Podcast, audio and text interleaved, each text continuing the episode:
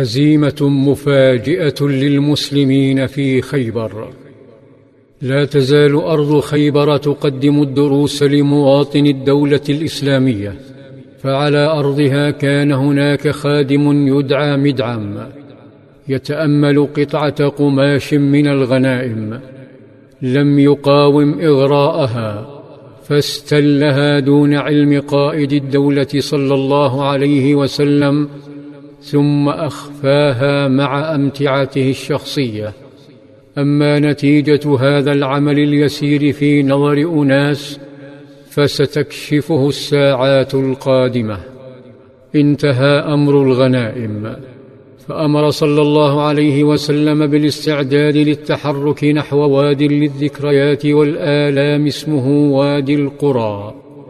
وفجأة وقبل المغادرة اقترب منه أحد جنده واسمه الحجاج بن علاط فاستأذنه للسفر إلى مكة بل استأذنه أن يعلن ردته وشماتته منه ومن صحابته هناك قائلا يا رسول الله إن لي بمكة مالا وإن لي بها أهلا.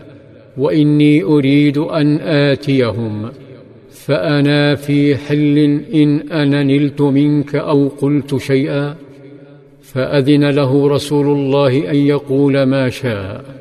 ركب الحجاج مطيته واتجه بها جنوبا مارا بالمدينة ثم شق طريقه نحو مكة ولما احتضنته جبالها تسلل نحو بيته.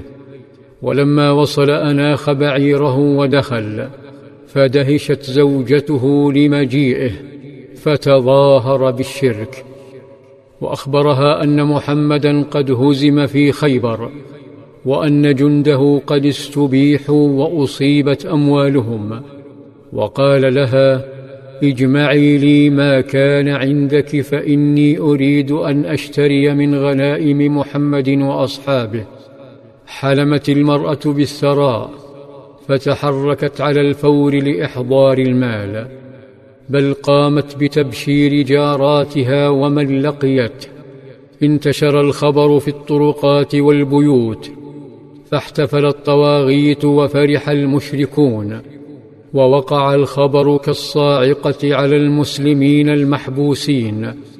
وأثقل الخبر أحد زعماء مكة حتى عجزت قدماه عن حمله حزنا. بلغ الخبر العباس بن عبد المطلب فعقر وجعل لا يستطيع أن يقوم. فنادى عبدا له والحزن يلون وجهه وأسر إليه بكلمات. انطلق الخادم نحو بيت الحجاج بن علاط فاستأذن عليه. ولما دخل قال له إن العباس يقول ويلك ما جئت به وما تقول فما وعد الله خير مما جئت به تلفت الحجاج وهمس بالغلام اقرأ على أبي الفضل السلام وقل له فليخل لي في بعض بيوته لآتيه فإن الخبر على ما يسره انطلق الغلام كالريح عبر شوارع مكة الحزينة يحمله الفرح. وقبل أن يدخل قال وهو بباب الدار أبشر يا أبا الفضل. هز العباس قائما من شدة الفرح وتوجه نحو عبده فطبع قبلة بين عينيه وسأله فأخبره ما قال الحجاج فاعتقه من شدة الفرح.